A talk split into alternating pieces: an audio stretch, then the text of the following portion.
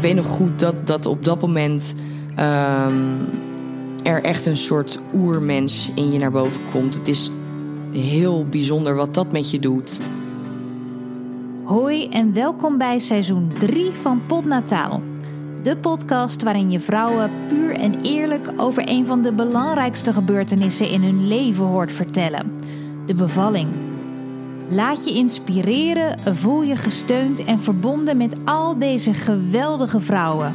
Ik hoop dat dat is wat je haalt uit deze podcast. Ik ben Simone Wijnands. Dit is het verhaal van Roxanne.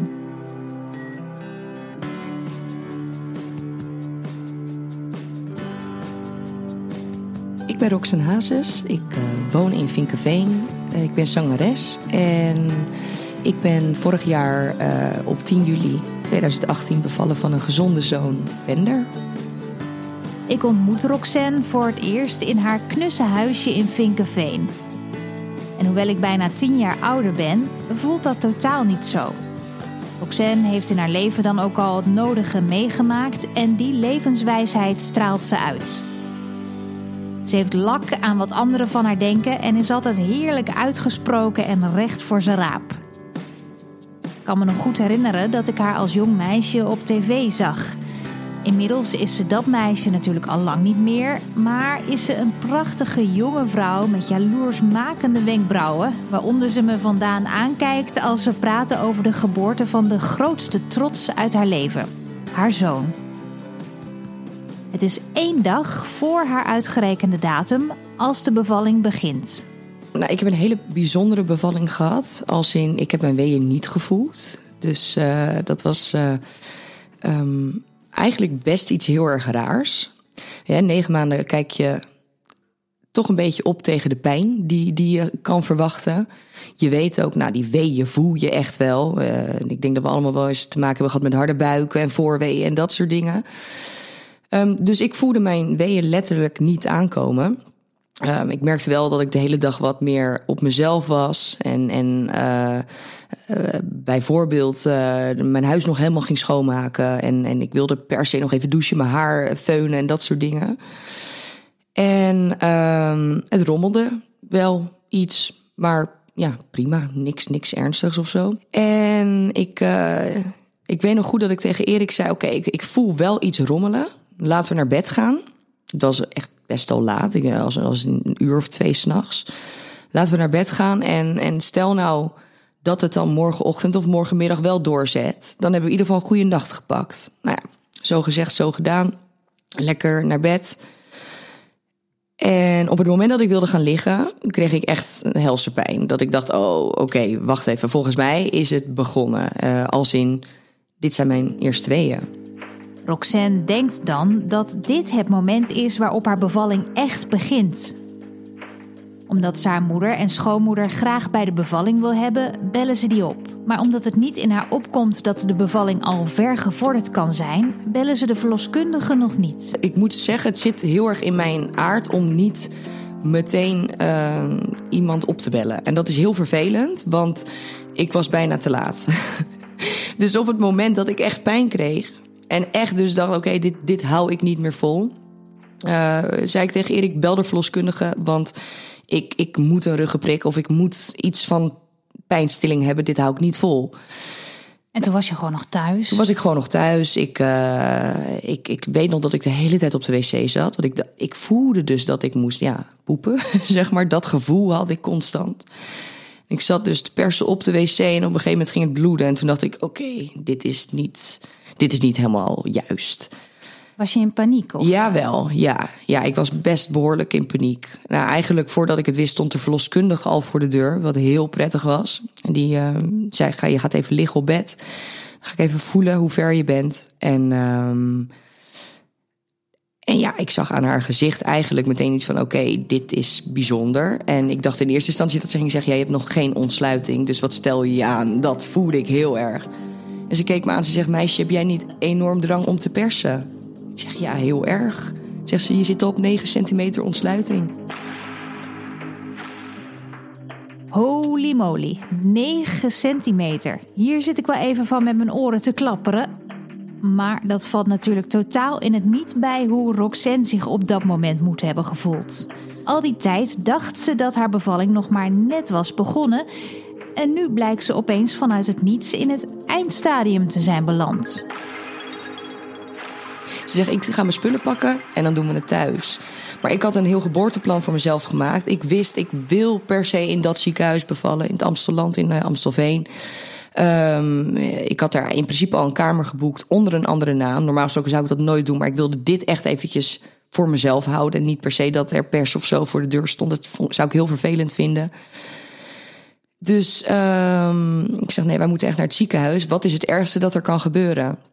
En zei ze, nou, we gaan niet uit van het ergste. Maar grote kans dat je vliezen wel breken. En natuurlijk onderweg. Dus uh, leg een handdoekje neer en we gaan gewoon als een speer er naartoe. Het was precies zeven minuten rijden. Dat hadden we al een paar keer gereden.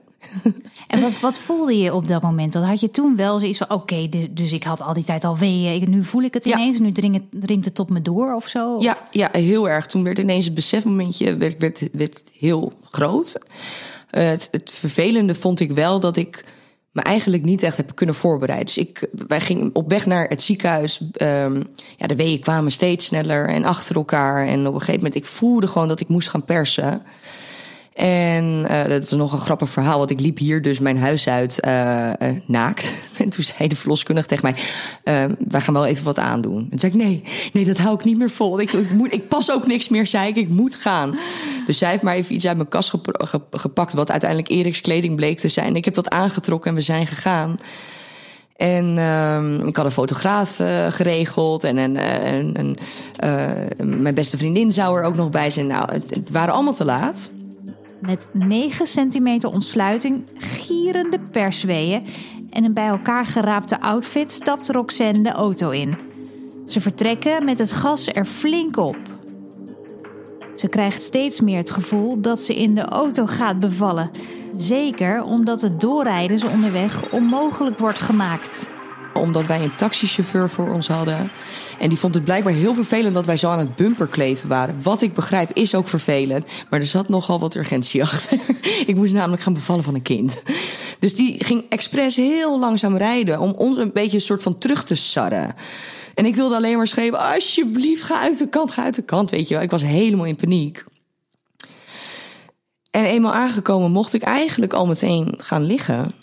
En, uh, hoe ging dat? Werd je, werd, werd je daar opgevangen door een team? Of hoe, ja, hoe gaat dat ja. dan op zo'n moment? Uh, er werd een, een uh, rolstoel klaargezet. Ik ging meteen naar boven.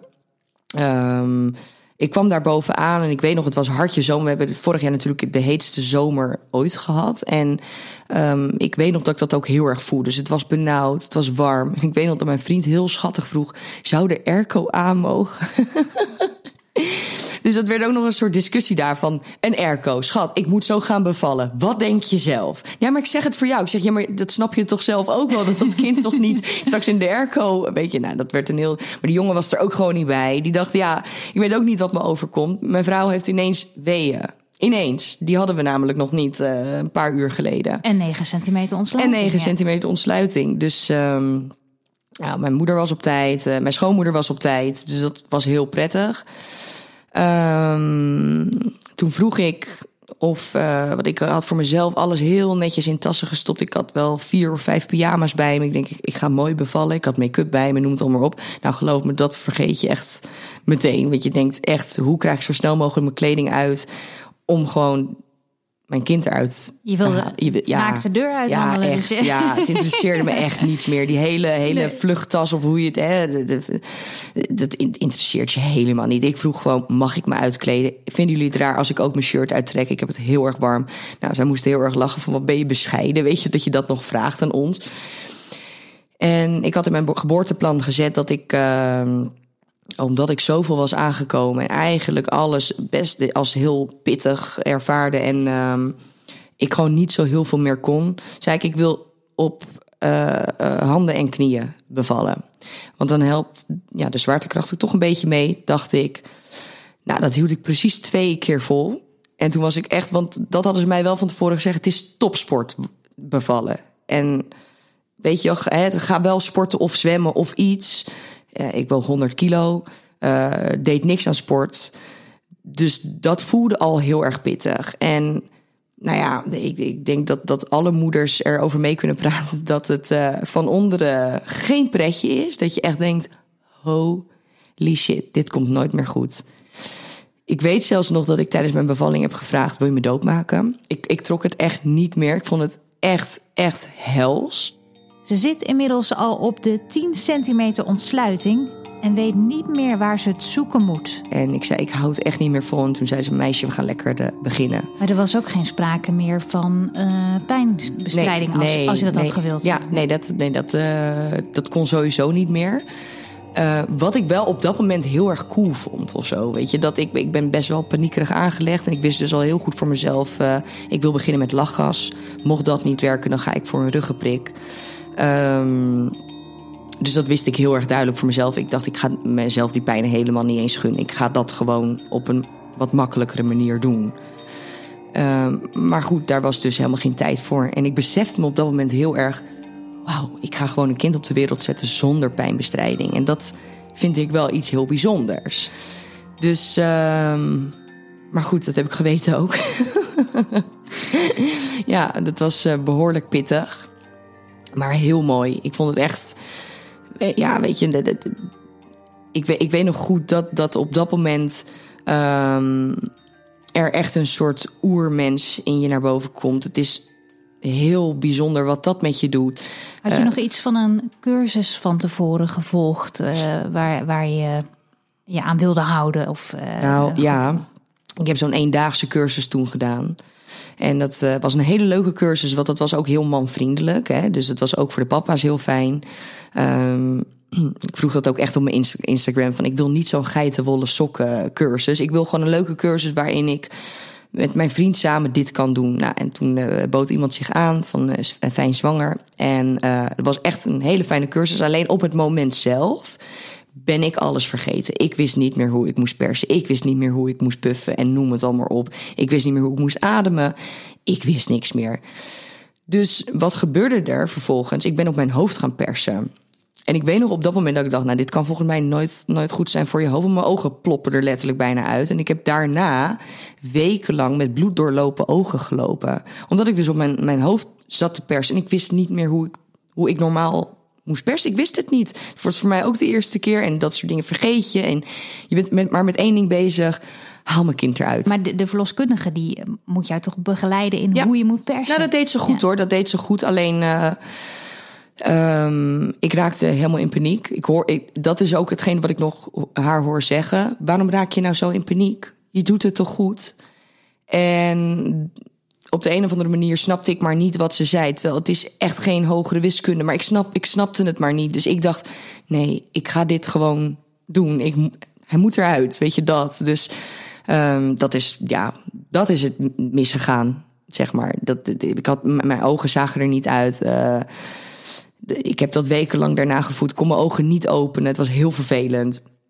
Maar goed, eh, op het moment uh, zelf kon ik maar aan één ding denken. En dat is gewoon, ik wil gewoon nu mijn kindje op mijn borst voelen. Wat voor Roxanne als uren lijkt te voelen, is in werkelijkheid maar enkele minuten. Haar moeder, schoonmoeder, vriend Erik en de verloskundige staan haar bij. Maar daar heeft ze op dat moment nog nauwelijks besef van. Ze wordt volledig overgenomen door de, zoals ze ze zelf noemt, oerkrachten. Gelukkig heeft ze van tevoren goed nagedacht over hoe ze het wilde tijdens de bevalling. Ik had in mijn geboorteplan laten zetten van ik wil dat Erik het kindje eruit pakt en niet per se de verloskundige. Uh, ik wil wel de mogelijkheid hebben om nog op dat moment te kunnen zeggen: nee, de verloskundige doet het. Uh, maar zij had dat zo goed eigenlijk ingestudeerd dat ze zei: Erik, dit is het moment. Dit, hè, dit is jouw moment. Um, uh, nog één keer persen en hij is er. En dan pak jij hem aan. En dat gebeurde dus. Ik dacht, oké, okay, koste wat het kost. Ik ga nu zo hard persen dat hij nu eruit komt. En uh, dat was echt mijn laatste kracht. Bundelde ik bij elkaar en, en daar was hij ineens. En ik zie Erik nog staan met eigenlijk een, een ja, hopeloos kindje in zijn armen. Die op dat moment eigenlijk nog natuurlijk geen teken van leven geeft. En ik weet nog dat Erik dat heel moeilijk vond. Van, hij ademt niet, weet je dat? Op dat moment kwam ineens natuurlijk die brul en, en dat, dat, dat gehuil. En dan, ja, jeetje.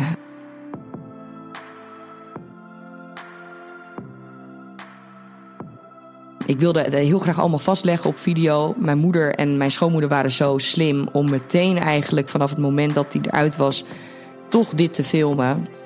Uh, wat wij helemaal niet door hebben gehad, maar nu extra blij mee zijn. En je hoort mij echt zeggen: Oh, Ietje, Ietje. Ik noem mijn vriend altijd I. Ietje, we hebben een kindje, kijk dan. En hij is zo knap. En dan hoor je me een tien seconden later zeggen: Ik weet eigenlijk helemaal niet hoe hij eruit ziet, want ik heb hem nog niet gezien. Maar hij is zo knap. En ja, dat was zo'n euforisch mooi moment. En uh, ja, weet je, dat, dat, dat is zoiets bijzonders. Jij hebt gewoon een kindje op de wereld gezet. Op het moment zelf, tijdens het bevallen, dacht ik: dit gaat mij niet lukken. Hier ben ik niet sterk genoeg voor. Dit is niet voor mij weggelegd. En een paar minuten later lag er een kindje op mijn buik. En toen dacht ik: ik ben hier wel voor weggelegd. En ik kan dit wel. En mijn verloskundige zei ook nog tegen mij: Nou, jij bent echt geboren om te baren. En dat vond ik heel leuk ja, dat, dat geeft je gewoon een trots gevoel van ja, dat, ik, ik heb het gewoon wel even gedaan. Weet je, het is het meest natuurlijke wat een vrouw kan doen en tegelijkertijd het meest wonderbaarlijke een kindje op de wereld zetten. En dat voelde, het voelde zo intens dat mijn kindje op mijn buik ligt en, en het is helemaal van ons. En ja, dat was mega bijzonder. Ja. Ze heeft het toch maar mooi geflikt. Apetrots en alle pijn op dat moment vergeten, neemt ze haar zoontje in haar armen. Die ze dan voor het eerst echt ziet. Ja, ik weet wel dat ik meteen dacht: Oh, je bent echt heel knap. Als ik nu foto's kijk, denk ik: Nou, je zag er gewoon uit zoals elke baby. Lekker verrimpeld en nog niet uitgedeukt, zeg maar dat. Maar ik weet nog wel dat. Ik dacht: Dit is het mooiste kind wat er bestaat. En hoe kan dat uit ons komen? Weet je wel dat? Ja, dat was heel bijzonder. Maar wat het vervelende wel uh, is aan, aan geen weeën van tevoren hebben, is dat je daarna, tenminste ik, heel erg naweeën heb gehad. Um, Want je had dus echt daadwerkelijk helemaal geen wee. Het was Nee. niet dat je ze niet had herkend, maar ze waren er gewoon nou, ik, eigenlijk ik, niet. ik heb wel hier en daar wat buikpijntjes gehad. En eh, eh, weet je, het rommelde. Maar goed, ik had wel, ja. Ik, ik kon ze niet, zeg maar, ehm, eh, onderscheiden van voorweeën of, of een harde buik of wat dan ook. Dus voor mij was het heel duidelijk: dit zijn geen weeën. Ehm, wat later natuurlijk wel zo bleek te zijn. En weet je wel, mensen hebben mij wel eens gevraagd: heb jij dan zo'n hoge pijngrens? Nou, dat denk ik niet. Uh, maar ik denk uh, gewoon dat bij mij het op, ja, ik weet niet, op een andere manier, dat ik het op een andere manier heb ervaren of zo. Uh, ik, ik, weet nog dat ik tijdens, als ik dan zo'n soort wee voelde, als in buikpijn, dat ik um, bijna op een hypnotiserende manier mezelf in slaap kon weten te brengen. Om vervolgens een minuut later weer wakker te worden. En dan tegen Erik, mijn vriend, kon zeggen: Oké, wacht even. Volgens mij had ik net wel een soort van wee. Maar ik ben in slaap gevallen. Ik, dus ik weet het niet. Dus ja, het, het, waren weeën. Maar ik heb ze niet als heel naar ervaren. Uh, we hebben ook de weeëndans niet hoeven, hoeven doen wat ik allemaal had geleerd. Waar wij heel erg om hebben gelachen van... oh ja, dan gaan we de weeëndans doen. En uh, ja, ik had allemaal kaarsjes in mijn... In mijn of, of, of, ja, allemaal kaarsjes in mijn geboortetas zitten. En, en geurstokjes en uh, rustgevende muziek. Ik denk, nou, ik ga het helemaal zen. Komt dit kindje ter wereld? Nou, daar ben je helemaal niet mee bezig op dat moment. Ik kon alleen maar denken... Kom Ze zitten nog in de tas. Ze zitten nog in de tas, inderdaad. Ja, ja. De eerste twee dagen brengt Roxanne vooral door op een golf van adrenaline. Dat had deels te maken met het feit dat, uh, omdat Vender zo snel ter wereld kwam, uh, hij heel veel helde in het begin. Ik wilde heel graag borstvoeding geven, dus een speen uh, was een no-go in principe. Hè, want ik kreeg dan te horen met te of tepel speenverwarring. Dat is, ja, dat is dan heel vervelend en doe dat maar niet. In plaats van dat gaf ik mijn pink. Hij lag naast mij in een co-sleeper. En ik lag de hele, nacht alleen, de hele nacht alleen maar naar hem te kijken. En met mijn pink in zijn mond. En dan viel ik in slaap en dan werd ik wakker met letterlijk kramp in mijn arm. Die kon ik niet meer bewegen. En zo heb ik twee dagen eigenlijk een soort van half slapend, half wakend gelegen. Thuis of was dat in het ziekenhuis? Nee, thuis, ja. ja. Want dat vond ik wel, dat, dat vond ik het, het vervelende, uh, vervelende eraan dat ik beviel. Nou, dat ging natuurlijk vrij snel. Um, en nog geen 2,5 uur, drie uur later was ik thuis. Zat ik ineens met een kindje op de bank, nog in een maxicosi, waarvan ik totaal geen idee had hoe de riempjes daarvan afgingen. En ik, ik zei tegen mijn vriend, en nu? Wat, wat doe je dan? dat, ik heb geen idee. En hij was nog zo slim om te weten: oké, volgens mij moeten we nu de kraamhulp bellen. dat werkt zo. En uh, die kon gelukkig vroeg komen. Dat was heel prettig. Want uh, ik merkte wel dat ik wel een beetje een klap ervan had gehad dat het zo snel was gegaan. En dat ik dus niet me kon voorbereiden op het feit dat ik misschien over een paar uur wel een kindje op mijn buik had. Het ging zo snel. Nee, die, die, die tijd had ik niet. Ik had ineens een kind en ik zat ineens thuis met een kind. En ik weet dat ik dat heel, heel moeilijk vond. Uh, nogmaals, hij helde veel in het begin. Hij was uh, ja, ook voor hem een soort traumatische bevalling. Allemaal heel snel en dat soort dingen. Uh, ik had heel veel last van naweeën. Uh, ik, ik ben gehecht destijds van onderen. Nou, dat doet ook ontzettend veel zeer, vond ik. dus ja, je voelt je lichamelijk gewoon, gewoon niet oké. En, en je bent niks waard. En ik weet wel dat ik dacht dat ik heel veel kon. En dat mijn kraam op echt steeds tegen mij moest zeggen: Jij gaat echt terug naar bed. En dan zei ik: Nee, maar ik ga een kopje koffie voor je zetten. Zei ze: Ja, maar daar ben ik voor. Weet je, dat ik, ik was dat niet gewend dat iemand voor mij op die manier ging zorgen. Ik vond het heel onnatuurlijk. En je had natuurlijk nog niet helemaal inderdaad in je hoofd hmm. misschien het, uh, de tijd gehad om te wennen aan het idee dat het opeens zover was. Omdat je er zo door overvallen ja, werd. Nee, absoluut. Ik merkte ook drie dagen later, na de bevalling, heb ik alleen maar gehuild. Um, en niet per se alleen maar uit geluk. Dat ik uh, echt dacht, waar ben ik aan begonnen? Dat. Uh, twee minuten later wel weer ineens in een soort extase kon zitten van... oh, en ik ben moeder en ik ben zo blij. Om vervolgens vijf minuten later weer te denken, waar ben ik aan begonnen? En dat vond ik zo, zo heftig eigenlijk aan die kraamtijd. Um, dat niemand kan je erop voorbereiden wat je te wachten staat. Iedereen heeft het maar over een roze wolk. Nou, ik herkende hem niet. Ik herkende die roze wolk. En dat vond ik zo. Ik, ik, het voelde voor mij zo als falen als mama. Dat ik niet per se nee, of, 100% eh, van de dag kon genieten van het feit dat ik net moeder was geworden. Uh, hij helde veel, um, had buikkrampjes, borstvoeding kwam niet op gang, lactatiekundige hier in, in huis gehad. Um, kolven en maar kolven en maar kolven en maar kolven, tot vervelens aan toe. Nou, ik voelde me zo'n gefaalde moeder. Het was voor mij zo niet compleet. En dan heb ik me zo eigenlijk gek laten maken door de buitenwereld, die maar bleef zeggen: nee, maar borstvoeding is het beste en dat moet je volhouden. Misschien doe je niet goed genoeg je best, dat soort dingen. En het, dat raakte me ontzettend, want je bent als mama zo kwetsbaar. En je lichaam zit nog zo vol hormonen waar je maar mee moet dealen. En, en ja, ik, ik, ik, vond dat, ik vond dat behoorlijk heftig. Heel herkenbaar, denk ik, voor heel veel moeders. De eerste tijd zit je gewoon in een rollercoaster en hoeveel boeken je er ook over hebt gelezen en hoeveel cursussen je hebt gedaan en hoeveel podcasts je ook hebt geluisterd. Uiteindelijk weet je het pas echt als het zover is. Bijna iedere moeder maakt wel mee dat ze overspoeld wordt door goed bedoelde of minder goed bedoelde adviezen. Maar Roxanne lag nog eens extra onder een vergrootglas door haar bekendheid. Gelukkig kreeg ze ook veel steun. En gelukkig waren er uh, uh, naast mij best wat moeders die mij, uh, waaronder Kim Kutter. Ik, ik kende Kim Kutter eigenlijk helemaal niet. Um, totdat ik beviel van Vender.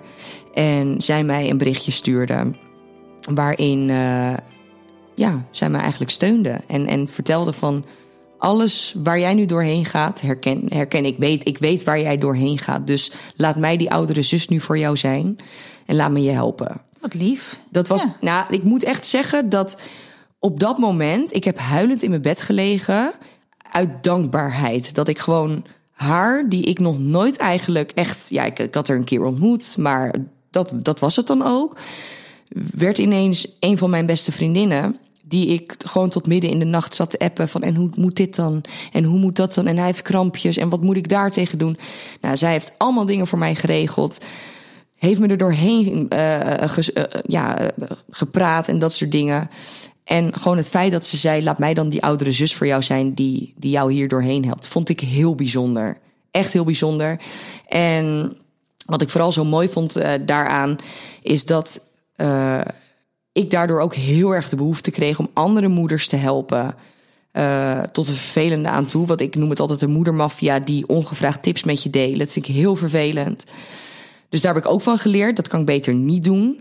Maar ik heb wel bijvoorbeeld collega's of vriendinnen die ook een beetje in datzelfde, in diezelfde periode bevielen, wel gezegd van als je ergens over wil praten of wat dan ook, doe het. Want ik ben er en ik weet waar je doorheen gaat. Ik weet hoe pittig het soms kan zijn. Dus bespreek dat met mij. En ik merkte hoe fijn mensen dat, dat vonden. Ja, weet dat je wel? mensen heel veel van elkaar herkennen ook. Hè? Ik Ja, denk dat dat ja. het ook is. Want Ja. eh, wat, je, wat je net vertelt, dat herken ik ook heel erg. Van, zeker van de eerste. Ja. En zeker met die borstvoeding, dat is gewoon gekut. Ja, Dus nee, heel Ja. erg. Ja, nee, absoluut. ja, alleen maar je gaat inderdaad na- helemaal bij de eerste. Dan vind, vind je zoveel wat je allemaal moet doen van Ja. jezelf. Je moet Ja. de allerbeste moeder zijn. Want je wilde graag een kind. En je wil gewoon dat hij niks tekort komt. Nee. En eh, nou ja, alles wa- wat jij dan niet volgens het boekje zo gezegd goed doet, dat voelt dan als tekortkomen. Terwijl dat is onzin. Ja, ja. Maar ja, zo voelt het Zo wel. voelt ja. het heel erg. En eh, er is heel weinig voor nodig om dat gevoel aan te sterken. En ik, dat vond ik zo vervelend dat andere moeders mij af en toe wel dat gevoel konden geven op social media. Ehm, het kon zijn van je kind is te warm aangekleed, tot je kind is te koud aangekleed. En eh, de babyfoon staat te dicht bij zijn hoofd. En, en noem het allemaal op. Ik, ik,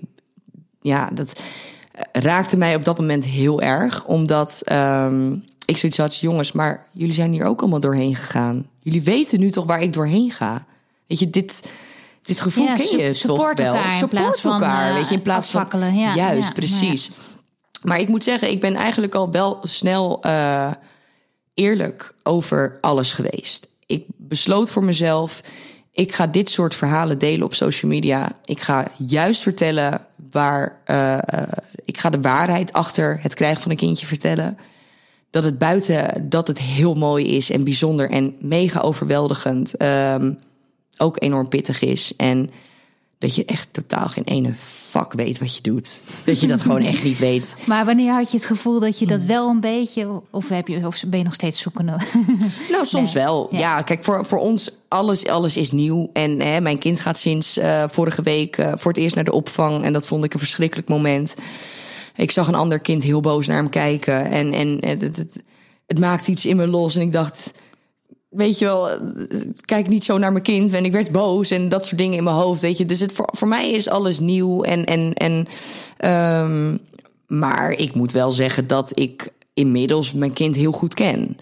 En dat zei ik ook in het begin van mijn kindje. Nou, ik ken hem het allerbeste.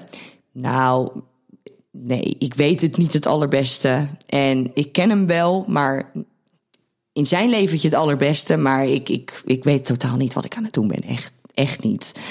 En ehm, inmiddels weet ik dat wel. Ja, weet je, dat, tuurlijk, er zijn nog echt wel dingen. We zijn laatst voor het eerst op vakantie gegaan met hem. En ik zit in de, schiet in de vlek omdat we moeten gaan vliegen. En uiteindelijk ging het allemaal hartstikke goed.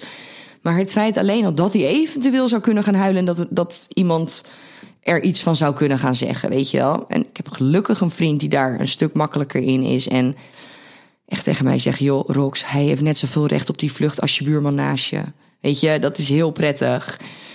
Maar ehm, ja, spannend is het nog wel. Weet je, ik denk dat er ook steeds meer fases bij komen... die eh, ja, spannende momenten met zich meebrengen. Hij loopt ineens, hij kan de deur open doen. en en eh, weet je wel, trekt ineens zijn eigen plan... zonder dat hij de gevaren daarvan inziet. Dus je bent, je bent nooit zorgeloos, denk ik. Nee. Nee, Dat gaat nee, hem niet worden, is, nee. nee, dat is wel echt eh, over. ja. Ja. Ja, dat- Ik denk dat dat ook heel herkenbaar zal zijn voor iedere moeder. Met de geboorte van je kind krijg je niet alleen het grootste geluk in je leven, maar ook de grootste zorg. En dat gevoel verdwijnt nooit meer. Ook Roxanne worstelt met dat stukje van het ouderschap. Ze vroeg zich zelfs af of ze niet te beschermend is. Dat ik me ehm, maanden geleden af heb gevraagd... moet ik hier hulp in krijgen? Als in echt therapie. Ehm, dat ik niet met mijn kind naar de, grote stad durfde omdat ik bang ben voor een aanslag. Ik uh, durfde niet te vliegen met mijn kind omdat ik bang ben voor een ongeluk. Uh, autorijden wordt, wordt ineens een, een hel. Al, ik zie ineens overal gevaren die ik normaal gesproken niet kende. En ik leer er beter mee omgaan, omdat ik juist wel mijn angsten opzoek. Ik ga wel naar Amsterdam met Vender. En ik ga wel over de dam heen lopen met zweet in mijn handen. Maar ik doe het wel. Hetzelfde met de opvang. Ik wilde nooit naar, hem naar de opvang brengen. Ik merkte dat Erik en ik, omdat we 24 uur per dag papa en mama zijn, daar ook wel een beetje aan onderdoor dan gaan. Je bent dan op dat moment alleen nog maar papa en mama, niet meer geliefdes. En uh, dat vond ik heel jammer. Dus, uh, en ik gun het hem ook zo, weet je lekker spelen. En hij is zo nieuwsgierig naar andere kindjes. Ik denk, nee jongen, jij moet gewoon naar opvang, school, hoe je het ook wil noemen. Hij moet dat doen, dat is voor hem ook fijn. Dus dat heb ik ook los kunnen, uh, kunnen laten. Dus het, stukje bij beetje, weet je, merk ik wel dat ik er wat makkelijker mee omga. Alleen die angst voor zijn, ja, heel heftig, zijn dood, is wel heel heftig. En dat kan ik nog steeds ook s'nachts hebben als ik hem op zijn buikje zie liggen. En hij mag volgens mij al lang op zijn buik liggen, maar toch nog steeds vind ik dat. Ik denk, oh, ik ga hem recht leggen. Ja. Nee, ik ga hem echt recht leggen.